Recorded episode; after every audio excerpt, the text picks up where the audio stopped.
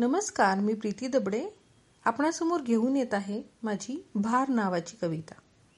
डोईवर घेऊनी भार डोईवर घेऊनी भार माय निघाली पोराला पाठीशी घेऊन. डोईवर घेऊनी भार माय निघाली पोराला पाठीशी घेऊन. पोटासाठी वणवण भटकते चिमुरड्याचे भविष्य ध्याने ठेवून पोटासाठी वणवण भटकते चिमुरड्याचे भविष्य ध्याने ठेवून धन्यवाद.